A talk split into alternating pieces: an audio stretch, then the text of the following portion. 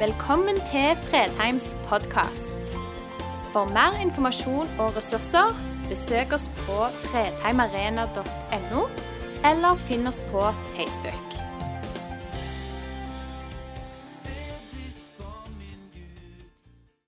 Det hviler ei natt over landet i nord. Merker du det du står opp i mørket? Går på jobb når det er mørkt, du som ennå går på jobb. Når du skal hjem i firetiden, så er det jommen blitt mørkt òg. Der er litt mørkt. Snøen ligger tung. Hadde han bare gjort det, det hadde hjulpet. Ute står mørket om fjell og om fjord. Dagen er på en måte borte. Natten er stor. Men i mørketidslandet høres et ord. Det er ganske entydig forska på det at forholdet mellom sommer og vinter, dagslys, dagslys og nattelengde, har stor betydning for menneskets mentale og fysiske helse. Jeg sier meg noe jeg ikke vet. Vi kjenner på det i denne mørketiden at det gjør noe med oss. Natten er lengre enn dagen. og vi, vi kjenner på det, vi kan bli litt nedstemte. Selv om jeg bare for noen dager siden traff en som sa at mørketiden var det beste. Men det er ikke mange som sier det, at mørketiden er det beste. Vi skal ha tre sånne lysmørke ting med oss i formiddag. Vi leser i første Mosebok kapittel 1. Jorden var øde og tom. Mørket lå over dypet, og Guds ånd svevde over vannet. Da sa Gud, 'Bli lys'. Og så blei det lys. Fra Lukas 1.: Slik skal lyset fra det høye gjeste oss som en soloppgang og skinne for dem som bor i mørket og dødens skygge, og lede våre føtter inn på fredens vei. Hele bibelboken vår forteller om en kamp mellom lys og mørke. Det foregår noe sånne store ting som vi ikke skal gå inn på i formiddag. Men det er en kamp mellom mørkets rike og Guds rike. Og julen bærer bud om at lyset seirer. Det foregår en kamp, og helt ut i Johannes' åpenbaring, hvis du vil lese Johannes' åpenbaring, så vil du se den kampen mellom lyset og mørket. Og så er det rytteren på den hvite hesten, han som bærer lyset med seg, som seirer. Men det foregår en kamp mellom lys og mørke. Men det foregår en personlig kamp. Og Den skal vi dvele litt med nå i formiddag. Jeg tror mange av oss som er på gudstjeneste på Fredheim tredje søndag i advent, bærer enten direkte eller gjennom mennesker som står oss nær, at dette er ikke noe som er der ute. Det gjelder ikke alle de andre. Midt i vår velstand og overflod, når vi nå kjøper flotte gaver til de vi er glad i, så er det så mange som bærer på en kamp i livet sitt. Det er mørke tider. Noen av de vi er glad i, sliter med helse. Kanskje du sliter med helsen din. Kanskje det kroniske ting som har satt seg fast i kroppen din. Og Du kjenner ikke at det er lyset som dominerer. Vi har det i vår forsamling disse dagene, noen som kjemper en fortvila kamp. Hvor mørke er det som ser ut til kanskje å seire. Jeg har det tett på i min egen familie. Noen som kjemper for livet. Vi vet ikke hvordan det går. Vi vet ikke hvor lenge det går, men foreløpig så ser det ut som på en måte at det er mørket som har seira. På tross av bønn og forbønn så, så, så sliter de fremdeles med, med, kreften som eter kroppen opp innenifra. Noen kjemper i ekteskapet sitt. Det er ikke sånn som det var. Det knaker i sammenføyningene. Noen kjenner på angsten. Noen kjemper med at barna blir mobba og ting er tøft. Hver dag kommer de hjem med tårer rundt øynene. Det er ikke så enkelt. Det er en mørketid. Og Det blir ikke noe bare der ute, noe alle de andre kjemper med, men vi kjemper med det dypt i vårt eget liv. Og noen kjemper med tvil. Og Kanskje det er noe av det mørkeste for en kristen hvis Gud på en måte forsvinner bort fra tanke- og følelsesliv. Og det blir så tomt og ensomt å kjempe med mørket. Jens Petter Jørgensen, en god venn av oss, han har på en måte innført et begrep som har fått lov å sette seg i Kristen-Norge. Han oppfordrer oss til ærlighetsteologi. Det kommer i motsetning til elendighetsteologi, som bedehuset kanskje i hans øyne har vært litt representert for, og så herlighetsteologi, hvor det ikke er noen problemer, alt er bare seier. Det var litt paradoksalt i morges. Jeg skulle spise frokost, så tenkte jeg jeg skulle gå inn på en av disse eh, kristne TV-kanalene og få meg et oppbyggelig ord. Jeg håpte det var dr. Stanley som skulle tale, men det var det ikke. Det var en helt annen. Og Han sto og predikte det motsatte av det jeg kommer til å si i dag. Det var herlighet over en lav sko. Det var bare seier, det var bare medgang, det var bare suksess. I alle områder av livet. Jeg tenkte, kjære Gud, enten det er meg som bommer, eller det er han som bommer. Begge kan ikke ha rett. Og så måtte jeg skru av. Vi skal snakke sant om Guds muligheter. Og Det er ikke så lenge siden Andreas talte her om det med helbredelsens mulighet. Og Vi har alltid med oss oljeflasken. Den er på kontoret, den er i reisevesken, den er her i våre gudstjenester. Vi tror at Gud er i stand til å helbrede. Vi tror at Gud er i stand til å gjøre det umulige. Det tror vi på. Vi skal snakke sant om Guds muligheter. Men av og til så må vi kanskje gå et steg tilbake og snakke helt bånn ærlig om livet sånn som vi føler det er akkurat nå. Jeg tror mange av oss som er her inne, har opplevd det at Gud sier 'vent' når vi ber. Vi har ikke opplevd det bønnesvaret som vi vet Gud er i stand til å gi i et øyeblikk. Noen ganger har vi fått lov å legge hendene på syke, og så har Gud grepet inn øyeblikkelig. Andre ganger har det tatt tid. Ofte så tar det veldig lang tid. Jeg husker jeg ba for en i forsamlingen når vi var nede i gamle Fredheim. Han var dødsmerka. Kroppen hans var i ferd med å bli oppspist og ødelagt. Så var jeg hjemme hos han, og så fikk jeg lov å salve og be for han. Og så sier han det som skjedde i meg nå kjenner, Jeg kjenner at det skjedde noe.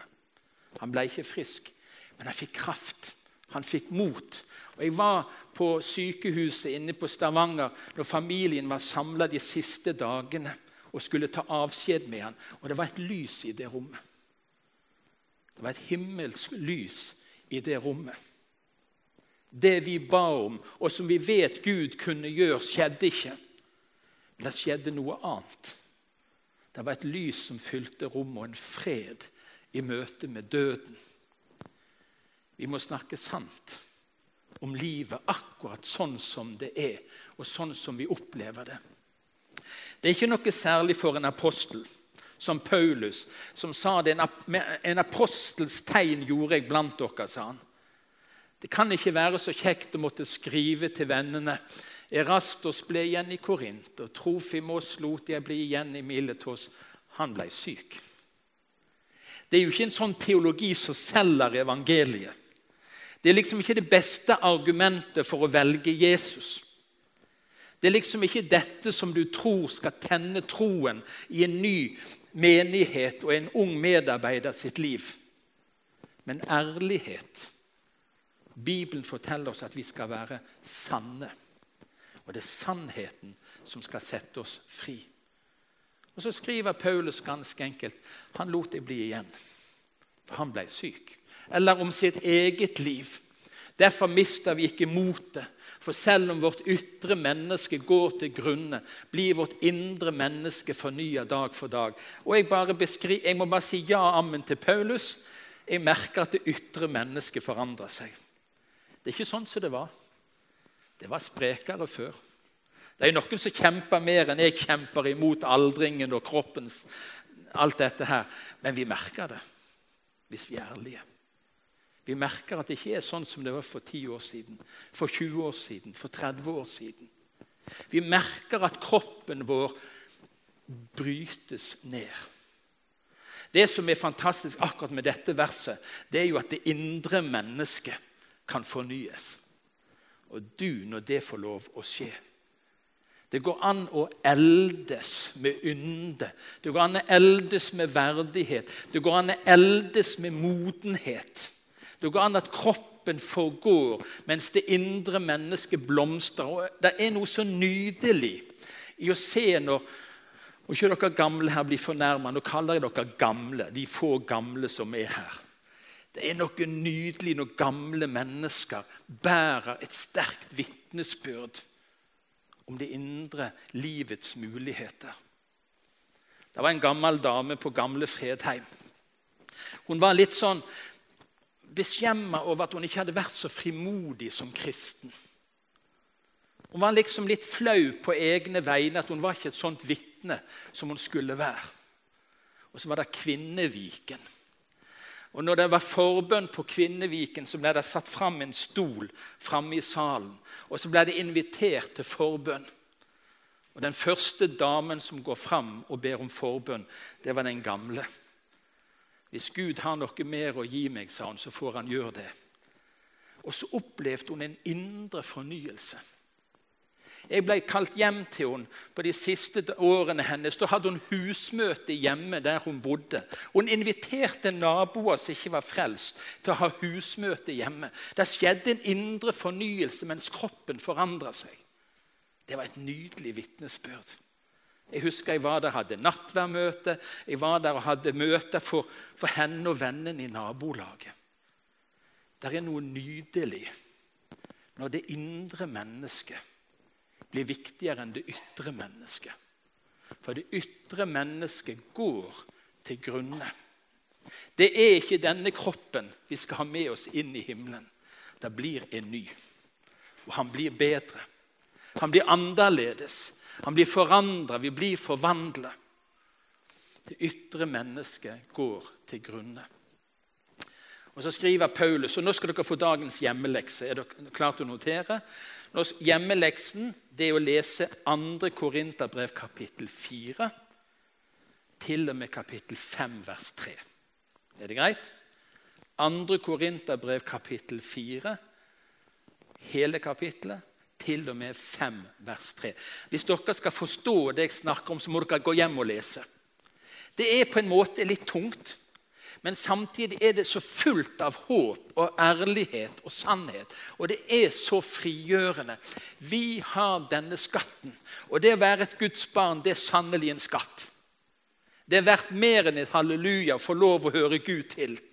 Å være et Guds barn, høre til det, den kristne familien. Det er en skatt som ikke vi kan beskrive, men vi har den i leirkrukker. Det er skrøpelig, disse leirkrukkene. De tåler ikke så mange støt. De fleste leirkrukken har en eller annen sprekk i seg. De har blitt dunka borti noe. Og sånn er vårt legeme. Vi har en fantastisk skatt ved troen på Jesus. Men vi bærer det i en leirkrukke. For at denne veldige kraften skal være fra Gud og ikke oss sjøl. Paulus fortsetter. For vi vet at om det rives ned, dette teltet, som er vårt jordiske hus Han bruker et veldig sånn skjørt bilde.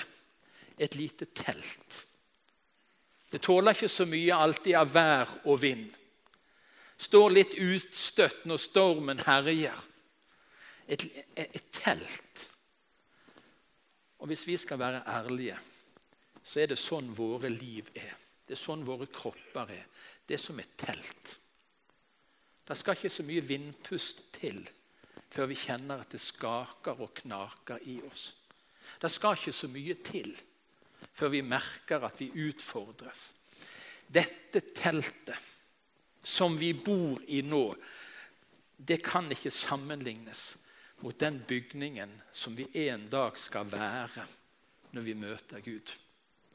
Det skjer en forvandling, det skjer en forandring. Vi har i himmelen en bygning som er fra Gud, som er helt annerledes, som er grensesprengende. Jeg vet ikke hvordan du har det. Kanskje du kom for å få en halleluja-gudstjeneste nå sånn tredje søndag i advent, for nå er alt på topp for deg. Ja vel. Da har du ikke noe problem med å gå hjem igjen, for da har du det så bra at du trenger ikke noe mer. Men jeg tror det er mange som helt inne i seg kjenner Det er noen omkring meg nå som bærer tungt. Det er noen av de jeg er nærmest, noen av de jeg er glad i, som sliter. Og noen bærer på smerte sjøl, på forskjellige måter, som gjør at på en måte er det mer mørke enn det er lys. I Johannes evangeliet så leser vi det sanne lys som lyser for hvert menneske, kom nå til verden. Det skjer en interversjon, en himmelsk si, inngrep i tiden. Det har med den kosmiske kampen å gjøre, som jeg nevnte i sted. Lyset fordriver mørket. Jesus vinner. Han overvant døden. Han, han overvant den vonde. Han seira. Han triumferte over han på korset. Mørket har tapt. For det sanne lyset er kommet til vår verden. Og Det er like virkelig som når Gud sa 'det blir lys', og det blei lys fysisk. Like virkelig og sterkt er Jesus lyset. Og I den nydelige profetien i Jesaja 9 så leser vi det er folk som vandrer i mørket, ser et stort lys. Over dem som bor i dødsskyggens land, stråler lyset fram. Det er et budskap om håp. Det er de som vandrer i mørket, de som bor i dødsskyggens land. Og Det er der vi bor. Det er der vi lever. Over disse så skal lyset stråle fram. I 1. Johannes brev så står det på en måte en sum av hva Jesus kom for. Og det var for å gjøre ende på djevelens gjerninger at Guds sønn åpenbarte seg. Jesus skulle gjøre slutt på mørkets totale makt over mennesket. Og Det var liksom et par faser i denne kampen. Bare når han kom, så jubla englene. Med ett var himmelens hærskare der. Og de sang og de lovpriste Gud. Så skjedde det på korset. Han overvant dødskreftene. Og så skal den fullkomne seieren en dag vise seg når han kommer igjen for å dømme levende og døde. Men seieren er vunnet. Mørket er på vikende front. Mørket har tapt. Lyset har kommet, og lyset har seira. Og en dag så er det bare lys. Det er nydelig å lese Johannes' åpenbaring. Der står det at det trengs ikke lys fra sol og måne og stjerner lenger. For Gud sjøl er lyset. Vi skal få lov å vandre i hans lys.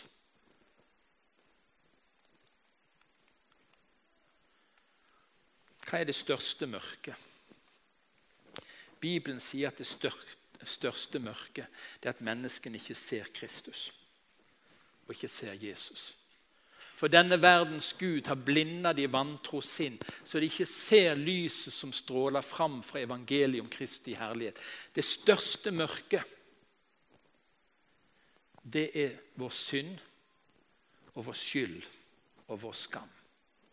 Det djupeste mørket et menneske kan være i, det er når det bærer sin egen synd og sin egen skyld.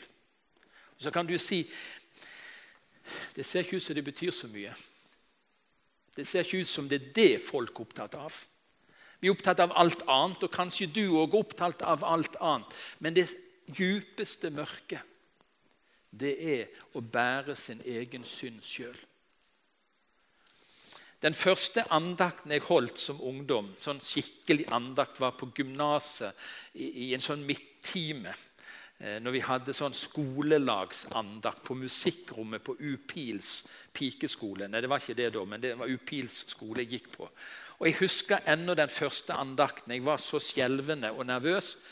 Men jeg leste fra Salme 32. Og Der sier David da jeg tidde, tærtes jeg bort. Og Jeg husker det sånn som jeg leste den gangen i 1975 eller 6 eller noe sånt. Før krigen og alt. Da jeg tidde, tærtes jeg bort. Jeg stønnet hele dagen lang. Din hånd lå tungt på meg. Min livssaft svant som i sommerens tørke. Det står ikke sånn nå lenger, men det sto sånn i den oversettelsen. Livskraften forsvinner der synden slår rot. Der mennesket bærer sin egen skyld, sin egen synd, sin egen skam, så tæres mennesket bort. Det er ikke sikkert vi innser det. Vi kan holde oss flytende og gående. Vi kan ja, kjøre på så vi glemmer det. Men det dypeste mørket er dette. Jesaja sier det sånn Nei, det er skylden som skiller dere fra deres Gud. Syndene deres skjuler ansiktet hans, så han ikke hører dere.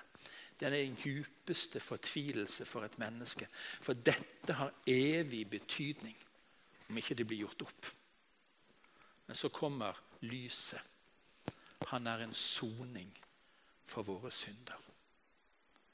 Han er en soning for våre synder. Ja, ikke bare for våre, men for hele verdens. Gammel bedusang så står det sånn Halleluja, min sjel er fri. Min trellestand er nå forbi. Det er det lyset gjør. Når det får skinne inn i ditt hjerte og inn i mitt hjerte, så etser det synd og skyld og skam vekk. Jesus tar det på seg. Han er en soning for våre synder, og du kan få gå oppreist og frimodig og lovsynge Han. Min sjel er fri. Og Så står det mer om Jesus. Jesus vandret nå omkring i alle byene og landsbyene. Han underviste i synagogene deres, forkynte evangeliet om riket og helbredet sykdom og plage. Han forkynte evangeliet, og det er gode nyheter. Det er gode nyheter.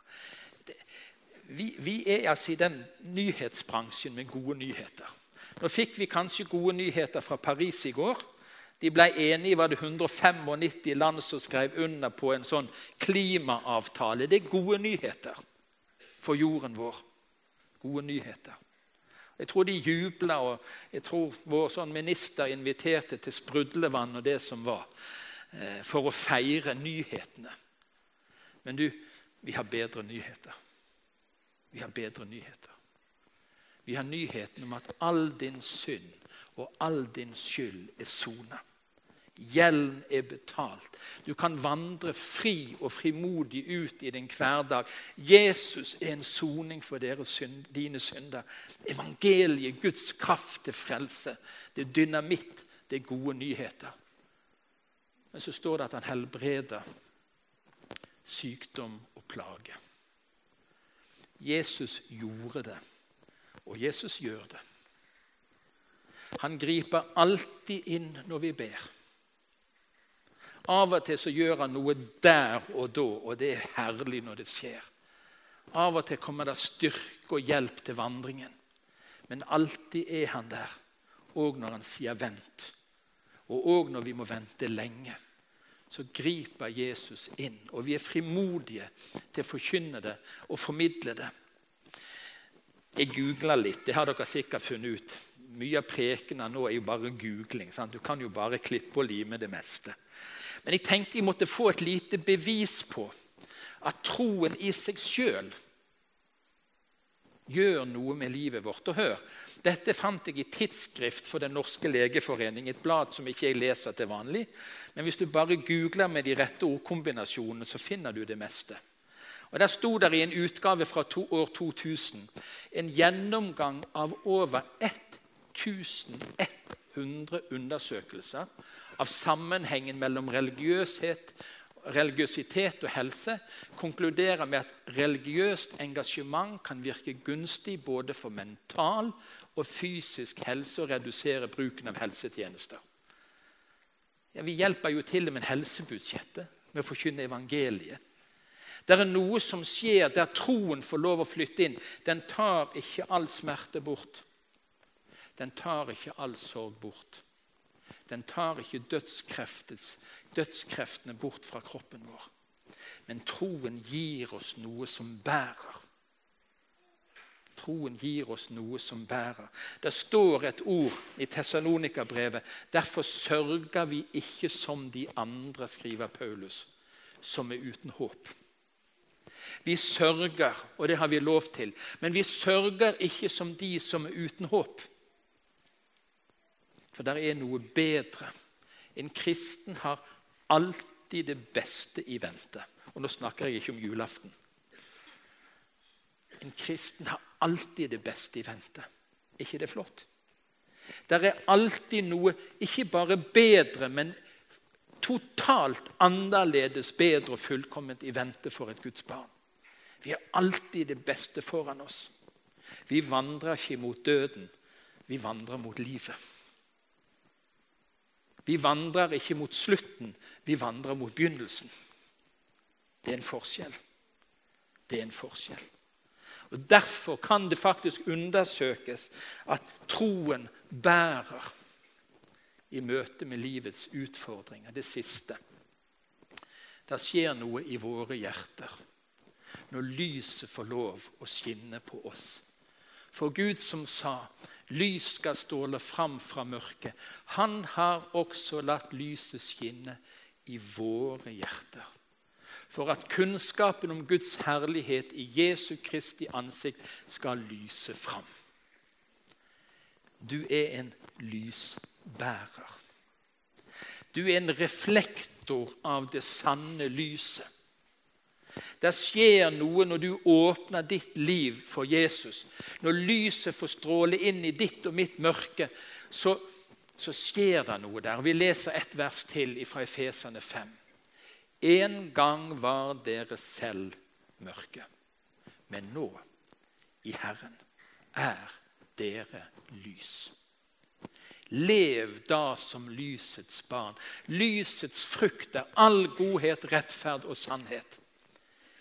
I det siste har forsamlingen vår fått noen sånne spesielle oppmuntringer.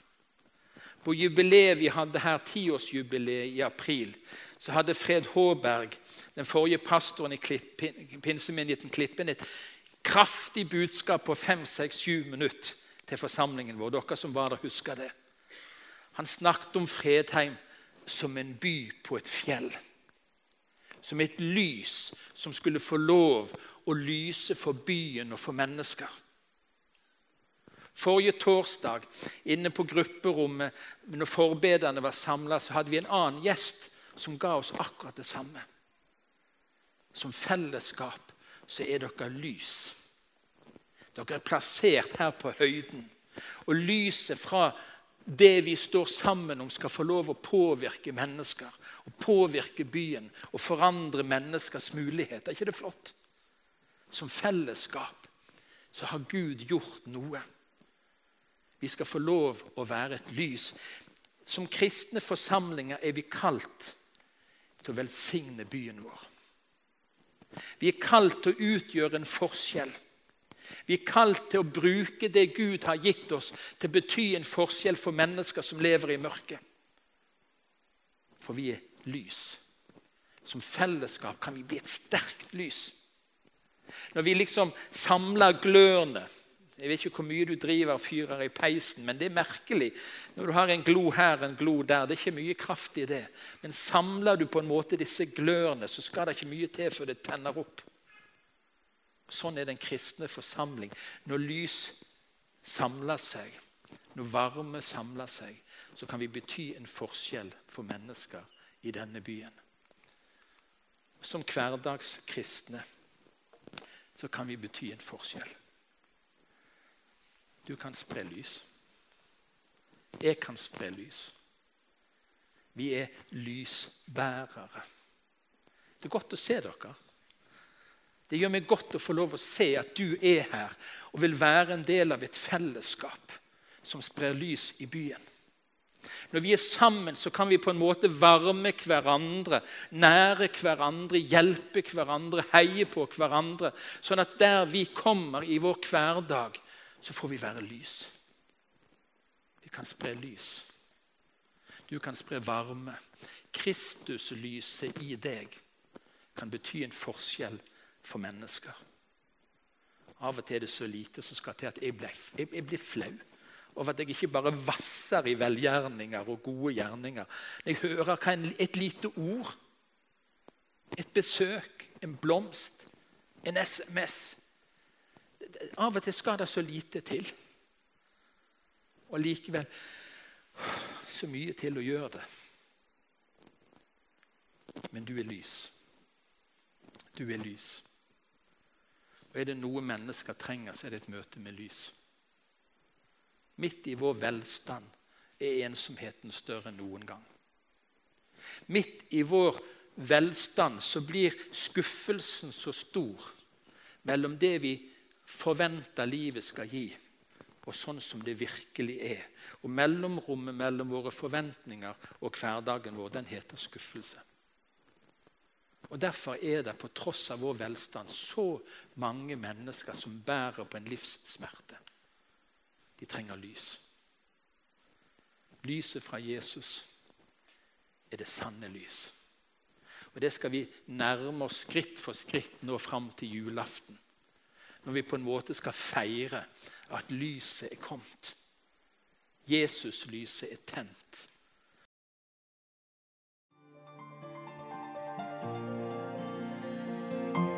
Takk for at du valgte å høre på. Nye opptak legges ut hver uke. Vi har gudstjenester hver helg, og du er hjertelig velkommen.